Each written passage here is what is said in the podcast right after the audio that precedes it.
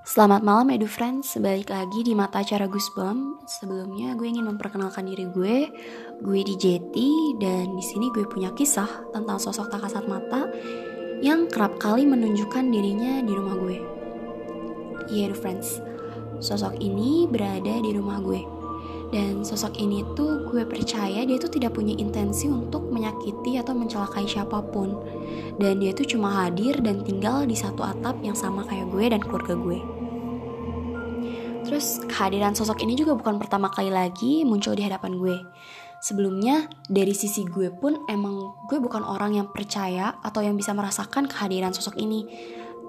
Bisa dibilang gue gak peka lah tentang kehadiran sosok ini dan gue tuh bener-bener awam sama hal mistis walaupun gue percaya mereka ada tapi dari sisi gue pun antara percaya dan gak percaya walaupun kalau gue diceritain kisah tentang mereka gue pasti ketakutan dan sampai akhirnya sosok ini tuh muncul pertama kali waktu gue masih SMA entah itu kelas 11 atau 12 kejadiannya itu terjadi di saat gue ingin pergi ke suatu tempat dan ngeharusin gue buat bangun pagi kalau nggak salah waktu itu tuh sekitar jam setengah empatan. Dan waktu itu gue udah ready dan siap banget untuk berangkat. Kejadiannya itu terjadi pas gue baru selesai nyatok di kamar gue dan pas mau gue turun ke pas gue mau turun ke lantai satu buat berangkat. Jadi posisinya tuh kalau di rumah gue tuh ya friends, kalau mau turun pakai tangga ke bawah, otomatis kita tuh bakalan bisa ngeliat ke daerah dapur. Dan kebetulan pagi itu dapur gue terbuka lebar pintu dapur gue itu kebuka lebar dan gue inget banget gue ada di tangga kedua atau ketiga pas gue lihat sosok tinggi yang ada di dapur gue. Padahal aduh friends keadaan dapur gue tuh terang benderang. Gak gelap sama sekali tapi sosok itu tuh terlihat gelap dan menjulang tinggi. Dan reaksi gue saat itu adalah nge-freeze. Aduh friends, kalian pernah gak sih ngerasa takut banget sampai rasanya gak bisa bergerak sama sekali? Bahkan buat ngedip sekalipun tuh susah, kayak mata kita tuh cuma bisa melek dan fokus ke titik itu, ke sosok itu. Dan itu yang gue rasain waktu itu. Dan untungnya gue cepet-cepet sadar dan buru-buru ke lantai satu buat pergi. Awalnya gue juga gak sadar sama sekali gitu. Kenapa gue tiba-tiba sakit setelah gue ngeliat sosok tak kasat mata itu. Ya karena gue pikir saat itu gue sakit ya gara-gara kecapean. Cuman setel, cuman setelah gue inget-inget gue inget-inget lagi tuh ya gue bener-bener sehat walafiat pagi itu.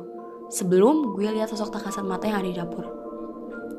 Dan edu friends kalian pernah denger gak sih kalau setelah kalian ngeliat sosok itu biasanya beberapa orang itu punya dampaknya masing-masing kayak setelah orang itu ngelihat sosok itu tiba-tiba dia sakit terus tiba-tiba demam atau apa pun yang lain. Dan itu yang gue alamin gue tiba-tiba sakit. Dan setelah hari itu gue emang gak merasakan kehadiran dia lagi sih. Dan baru banget dua hari yang lalu gue merasakan perasaan horor itu lagi. Kejadiannya itu sekitar jam setengah 12 malam jadi selama karantina ini tuh gue dan adik gue ini terbiasa buat tidur malam alias begadang. Dan emang biasanya sebelum tidur itu gue dan adik gue itu ngelakuin rutinitas kita yaitu skincarean. Dan hari itu emang paling larut banget buat kita ngelakuin skincarean Karena biasanya kita itu skincarean di waktu setengah 10 atau jam 10an Dan sekitar jam 11an itu kita udah di kamar masing-masing main HP atau nonton Nah, gue masih inget banget di situ tuh gue baru beres wudhu buat sholat isya dan kebetulan pintu balkon lantai dua itu emang sengaja dibuka sama kita biar angin dingin tuh masuk rumah. Nah, karena gue lihat pintu balkon gue kebuka, gue mikir kenapa nggak sekalian aja ngeringin wajah gue pakai handuk yang dijemur di balkon. Oh iya, yeah, friends, gue ini tinggal di salah satu kota kecil di daerah Jawa Barat. Jadi bukan hal asing kalau pemandangan dari balkon gue itu terarah langsung ke sawah dan lapangan kosong. Dan banyak ba banyak banget pohon-pohon. Gue juga gak ngerti kenapa pada saat itu gue ngerasa urgensi untuk ngeliat ke arah sebelah kanan balkon. Yang emang pemandangannya tuh langsung ke sawah dan kalian tahu apa yang gue lihat edu friends? Gue lihat cahaya terang banget kayak lampu, itu terang banget sampai gue mikir kayaknya ada yang masang lampu di sana gitu ya buat pembangunan sesuatu gitu kayak jalan ataupun apa pun gitu yang gue pikir itu sebelum rentetan kejadian gak masuk akal tuh mulai ikut serta nah Sehabis gue ngeringin muka gue, gue pun langsung masuk ke kamar dong buat sholat isya. dan pas gue lagi pakai mau kena gue denger suara kenceng banget di sekitaran rumah gue.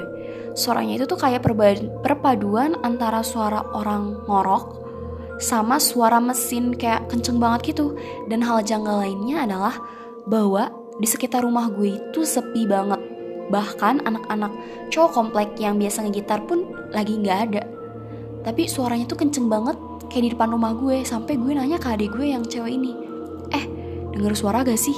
Kayak suara ngorok nyampur suara mesin. Terus karena saking berisiknya nih ya suara ini gue nggak denger ucapan adik gue dan minta ulang apa yang dia bilang ke gue. Dan gue nggak habis pikir sama adik gue yang berani banget ngomong itu dan sefrontal itu karena setelah adik gue ngomong ini suaranya mendadak lenyap dan gak ada sama sekali alias hilang. Suara yang besar tadi setelah adik gue ngomong itu tiba-tiba hilang. Bayangin ya friends. Dan ini yang adik gue omongin ke gue. Suaranya kayak genderuwo. Abis dia ngomong kayak gitu suara berisik tadi tuh hilang dan perasaan gue tuh tiba-tiba gak enak. Bahkan ya itu friends sepanjang sholat pun gue ngerasa takut buat bangkit dari sujud. Karena pikiran gue yang melalang buana bikin skenario gimana kalau gue bangun dari sujud sosok itu tuh malah nampakin dirinya di depan gue. Dan itu bener-bener ngeri banget. Dan untungnya itu friends itu nggak terjadi sama gue setelah gue sholat, gue berusaha bersikap seperti biasanya. Karena kalau gue nunjukin gue takut, maka adik gue bakalan ikut takut. Dan kalau adik gue juga takut, maka gue lebih takut. Jadi dengan sok berani dan ngidenya, gue berusaha untuk tutup pintu balkon walaupun rasanya pengen gue diemin aja tuh udah pintu kebuka sampai pagi kalau nggak biar bunda gue atau papi gue gitu yang nutup. Dan akhirnya dengan meyakinkan diri gue buat gak lihat ke arah kanan di mana cahaya tadi ada, gue pun berhasil tutup pintunya sekalian kunci. Nah, setelahnya, setelah gue ngunci pintu, gue ambil minum di dapur, gue melakukan rutinitas seperti biasanya, gue skincarean dan tidur kayak biasa. Tapi besoknya, akhirnya adik gue cerita kalau pas gue lagi di WC, waktu lagi wudhu, adik gue ini ngeliat sosok atau wujud rambut di tangga gue dan dia ngeliat itu lumayan lama. Jadi bukan sekelebat lagi dan itu yang bikin dia takut. Dan syukurnya gue nggak dengar cerita itu pas malam. Kan kebayang aduh friends, gak bisa tidur gue kalau tahu itu lebih awal.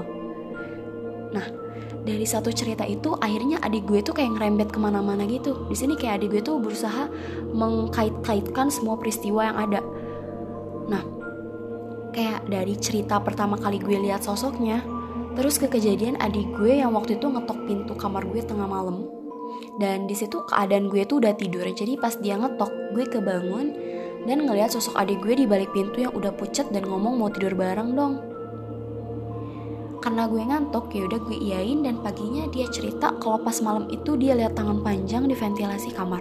Jadi gini ya friends. Di rumah gue itu di setiap atas pintu itu pasti ada kotak ventilasi dan itu tuh tinggi, tinggi banget. Ya soalnya kan dia di atas posisinya tuh tuh di atas pintu jadi kebayang dong Edu Friends betapa merindingnya gue denger cerita dia. Dan kalian harus tahu adik gue lihat sosok tangan itu bukan selewat. Tapi adik gue itu lihat tangan itu tuh kayak gerak-gerak gemulai di ventilasi kamarnya.